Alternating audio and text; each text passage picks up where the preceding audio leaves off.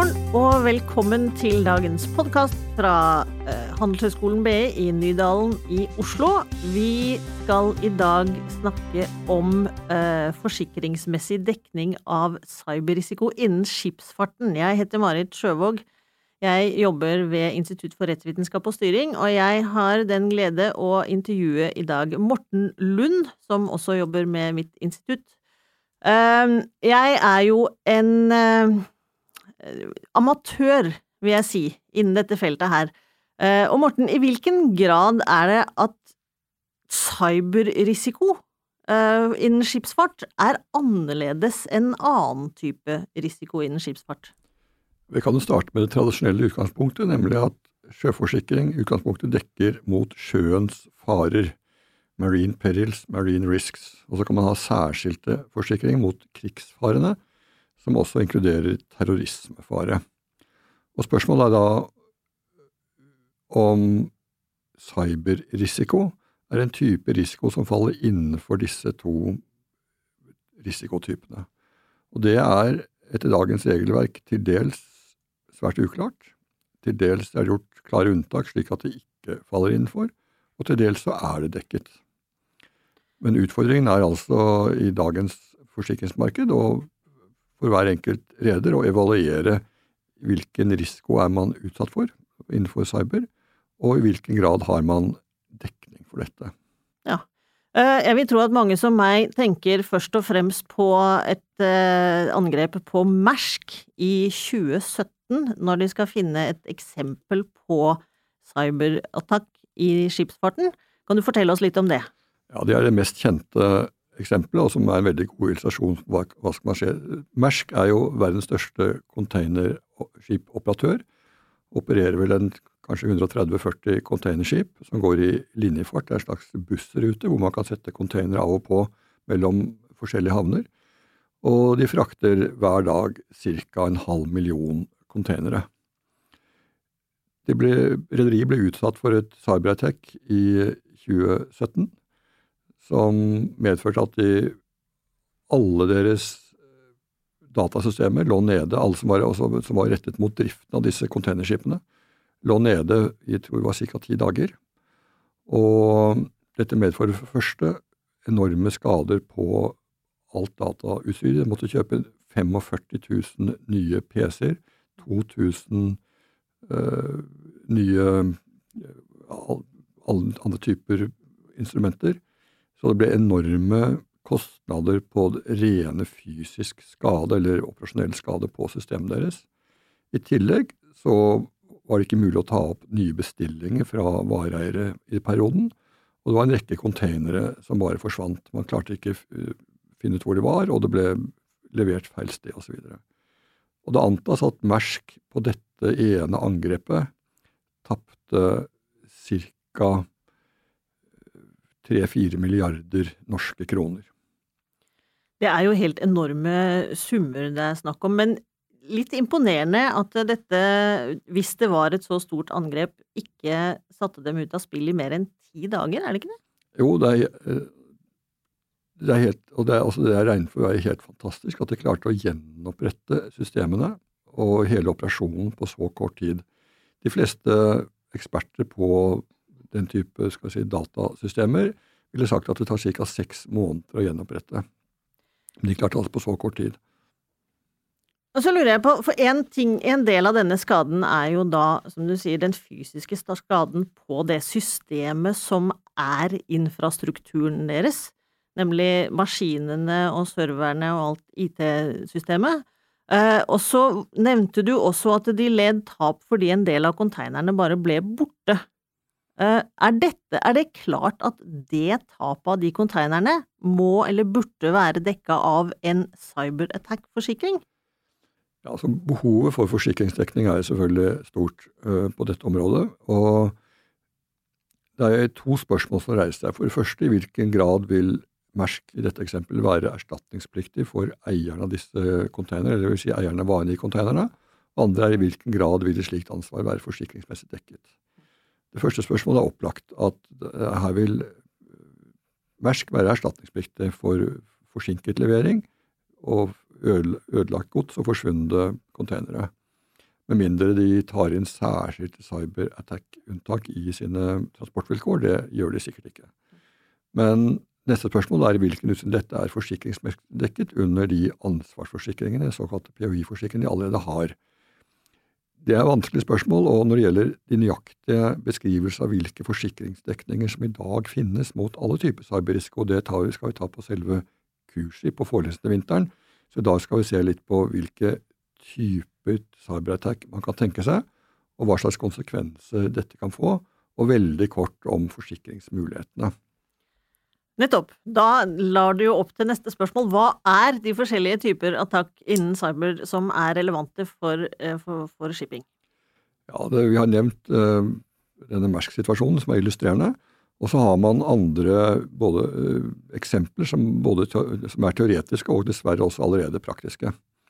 Det ene er at hackere hacker seg inn på navigasjonssystemene på et skip, og at de enten enten ødelegges fullstendig slik at det blir total blackout, ingenting fungerer, eller at de manipuleres slik at de om bord tror de fungerer og følger anvisningene på, på, systemene, og så går de på grunn eller kolliderer med et annet skip fordi de er manipulert uten at det oppdages. Er det et uh, tilfelle som er blitt spesielt aktualisert i lys av uh, Helge Ingstad-ulykken? Altså, noen mener jo, eller noen tror, eller noen spekulerer i om russiske hackere har hacket seg inn på navigasjonsdelen på Helge Ingstad, og at det er årsaken til det kaoset som tilsynelatende var om bord på, på, broen, da de ikke så forskjellen på skip og land og mente at de ikke kunne styre mot styrbord, altså høyre, øh, osv., noe de burde ha gjort. Og det kan være, Teoretisk sett kan det være en forklaring på kaos om bord. Det vet man ikke. Men det er eksempler på at Eh, man har hacket seg inn på denne måten på skip eh, andre steder i verden.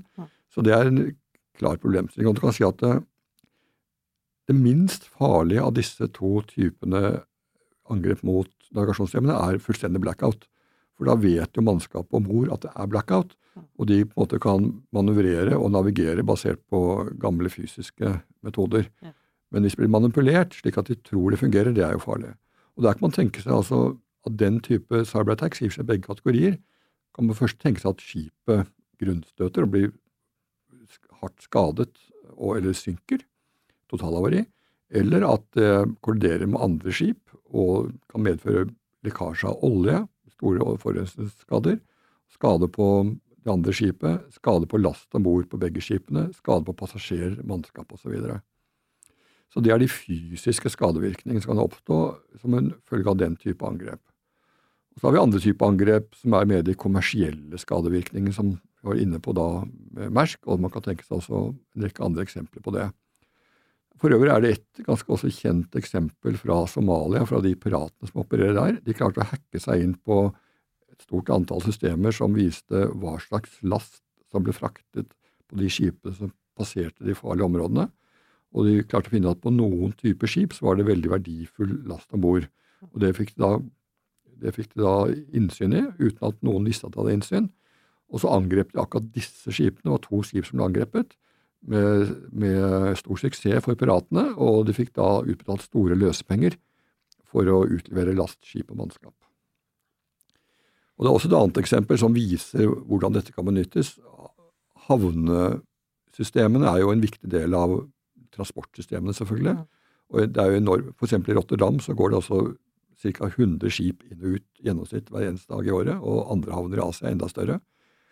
Og det er selvfølgelig høyt avanserte datasystemer som styrer havnetrafikken, styrer lasting og lasting av container og annen last osv. Og, og da var det noen høyt profesjonelle smuglere som, jeg tror det var i Singapore, klarte å hacke seg inn på systemet uten at det ble oppdaget, og klarte å styre fullastet containere med heroin utenom toll, utenom alle systemer, og rett til mottakerne i området. Det er klart insentivstrukturen eh, er kanskje annerledes eh, i denne virkeligheten. fordi noe av det som slår meg når vi snakker om cyberattack og snakker om digitalisering mer generelt, er at de, ram, de tankesetta vi har med oss, blir utfordra eh, fordi geografi spiller ikke lenger en rolle Altså fysisk å være nær noe spiller ikke lenger noen rolle. Og jeg lurer på, hva er konsekvensene av det faktumet at geografi blir litt borte, for risikoberegninga? Det blir høy risiko. men også kan si at i utgangspunktet så har man inntil nylig så var liksom skip langt på vei beskyttet i større grad enn andre typer virksomhet for, fra den type angrep. For skip var på en måte en egen isolert unit som hadde sine systemer om bord, men som ikke i samme grad var avhengig av skal si, utenforstående aktører for å operere selve skipet. Og når man først var ute på havet, så var man på en måte ganske trygg, med mindre det var typisk sjøens fare man ble utsatt for. Mens avanserte industribedrifter på land kunne lettere bli utsatt for både fysiske angrep uh, av terrorister, og, og, også mer databaserte angrep. Men i dag er det ikke slik lenger, fordi skip jo korresponderer datamessig, jeg vet ikke om jeg skal uttrykke det riktig, men med hele verden. De er vel kobla på nett, er det ikke det? Ja. Slik at det er altså at risikoen i dag er like høy eller høyere for skip enn for andre. Og selvfølgelig noen typer skip eller fartøyer er mye mer utsatt fordi det er et mye mer avansert system. Også når det gjelder skip som frakter enkellaster som kull og jernmalm osv., så, videre, så har de selvfølgelig avanserte navigasjonssystemer hvis de blir satt ut av spill, så kan man få kollisjoner, havarier, oljesøl og alt mulig. Men enda mer utsatt er jo de som har en virkelig høyteknologibasert virksomhet, typisk oljeboringsplattformer osv. Og, så og de er jo datastyrt, og det er enormt komplisert. Og små inngrep der kan medføre store skader, driftstap osv. Det var et kjent eksempel også utenfor uh, Nigeria hvor det var en et, et, et eh, boreplattform som ble manipulert slik at den begynte å helle mot en side. Krenget. Og på grunn av den krengingen så ble øh, oljeproduksjonen eh, stanset i mange uker. Og det er altså enorme tap per dag. Men det var ingen fysiske skader på riggen, ikke noe oljesøl, men driften stanses for en periode. Og det er et eksempel på hvor sårbare disse avanserte skipene er. Var de forsikra? Ja, Så kommer da spørsmålet, ikke sant. Det vet jeg ikke. Men spørs, og da kommer vi over til det som er et spørsmål, nemlig Nå har vi vært inne på en del eksempler på typer cyberangrep, og på hvilke konsekvenser dette kan få, fysisk og øh, skal si businessaktig. Man kaller det, ikke sant, det er den type tap som kalles formuestap, som er altså et rent business-tap for deg selv eller for dine medkontrahenter, uten at det er noe fysisk skade på last osv. Dels er det spørsmål allerede for tradisjonelle risiko. I hvilken utstrekning er rene formuestap forsikringsmessig dekket innenfor skipsfarten? Det er én problemstilling som der er det en del vanskelige gråsoner, en del begrensninger i forsikringsdekningen. Og så er enda mer komplisert blir det selvfølgelig dersom disse formuestapene oppstår som en konsekvens av cyberangrep. Og, men også spørsmålet på i hvilken utstrekning er dette forsikringsmessig dekket dersom det er fysiske skader, oppstår oljesøl osv. Og, og det er, dette er selvfølgelig veldig fokus på dette i sjøforsikringsnæringen i dag, både blant de direkte forsikringsselskapene og ikke minst blant reasfandørene, som da vil kunne bli sittende med mange av disse kravene dersom de er dekningsmessige. Og for en del type, for en del typer konsekvenser av cyberangrep, så er det spesifikke unntak i ulike forsikringsdekninger. For andre så er det ikke unntak, og det er heller ikke klart om det er dekningsmessig. Det er store gråsoner i dag. Og så er det visse, type, visse kategorier cyberangrep eller utslag dette som klart er dekket under de tradisjonelle forsikringene. Men bildet er veldig uklart. Det er stor usikkerhet i bransjen, og er, det er stor usikkerhet om i hvilken grad forsikringsgiverne ønsker å dekke dette, og det vil jo ofte koke ned til et premiespørsmål. Men dersom risikoen er høy og veldig uklar, at det er uklart hva slags økonomiske konsekvenser ulike angrep kan få, det er uklart hvor hyppig angrep man vil ha, så er det nesten umulig å fastsette i gåsehudene riktige premier.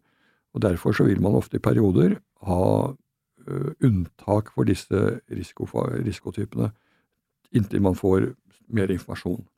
Det er stor fokus på dette, men det er på det rene. Jeg så en annen undersøkelse uh, som jeg leste om for et halvt år siden, kanskje, hvor det var en del rederier som hadde vært utsatt for cyberangrep som, øh, av forskjellig karakter, og, og 85 av disse opplevde at de ikke hadde en full forsikringsdekning for de tapene det ble påført. Og det er også, dette er, dette er praktisk. altså i, Det var en undersøkelse tror jeg, i 2016 i Nordsjøen, hvor det var tror jeg 60-70 eksempler på tap og skade av cyberproblemer. Det var ikke alle, alle var ikke cyberattacks, det var rene cyberproblemer som medførte først og fremst driftstap. Eh, men også til dels fysisk skade på utstyret. Jeg gjetter at eh, å lage gode forsikringsavtaler er også avhengig av at man har eh, ikke bare erfaring med hva som har vært problemer i fortida, men også fantasi nok til å kunne finne ut hva som kan bli problemer i framtida. Dette her ser jo ut til å være et av de områdene hvor fantasien kanskje ikke alltid strekker til. Det er riktig. Og, og det er en av årsakene til at forsikringsnæringen er tilbakeholdende her. Men annet poeng er selvfølgelig viktigste, det aller viktigste. Det er jo å unngå cyberangrep. Det er selvfølgelig viktigere enn å, ha, å diskutere hva som skjer hvis det, man er utsatt for det.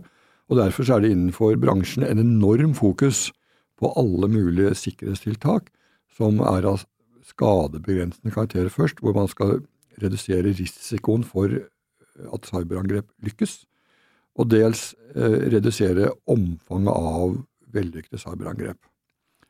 Et, et, særskilt spørsmål er da eh, dette med løsepenger. Man, man, har jo allerede i dag eh, også egne forsikringer på land for cyberangrep, som dels dekker skade på, på datautstyr, og dels løsepenger. For det er jo slik at terrorister, eller andre terrorister, andre personer, hacker seg inn på et datasystem og, sier, og viser eierne se, dere ser at vi nå er inne. Hvis ikke får utbetalt et beløp, så ødelegger vi alt. Mm. Og på et skip så er det enda verre. Og det er også spørsmål i hvilken grad ønsker man å dekke løsepengespørsmålet det er noe på en måte, Da bidrar man jo egentlig til finansiering av terror. Så det er også et, et, et spørsmål som har den dimensjonen. Selv om man kunne beregne gir seg en grei premie og får en grei risikoanalyse for å se hvordan man skulle forsikringsdekke det, så er spørsmålet bør man i hele tatt dekke slik, for det vil jo da øke appetitten på den type angrep. Her er det veldig mange uh, spørsmål å fortsette å prøve å gjøre seg mer uh, opplyst om. Jeg tror vi skal ønske studentene velkommen til uh, særdeles viktig undervisning. Og herfra i dag sier vi takk for oss fra BI Nydal.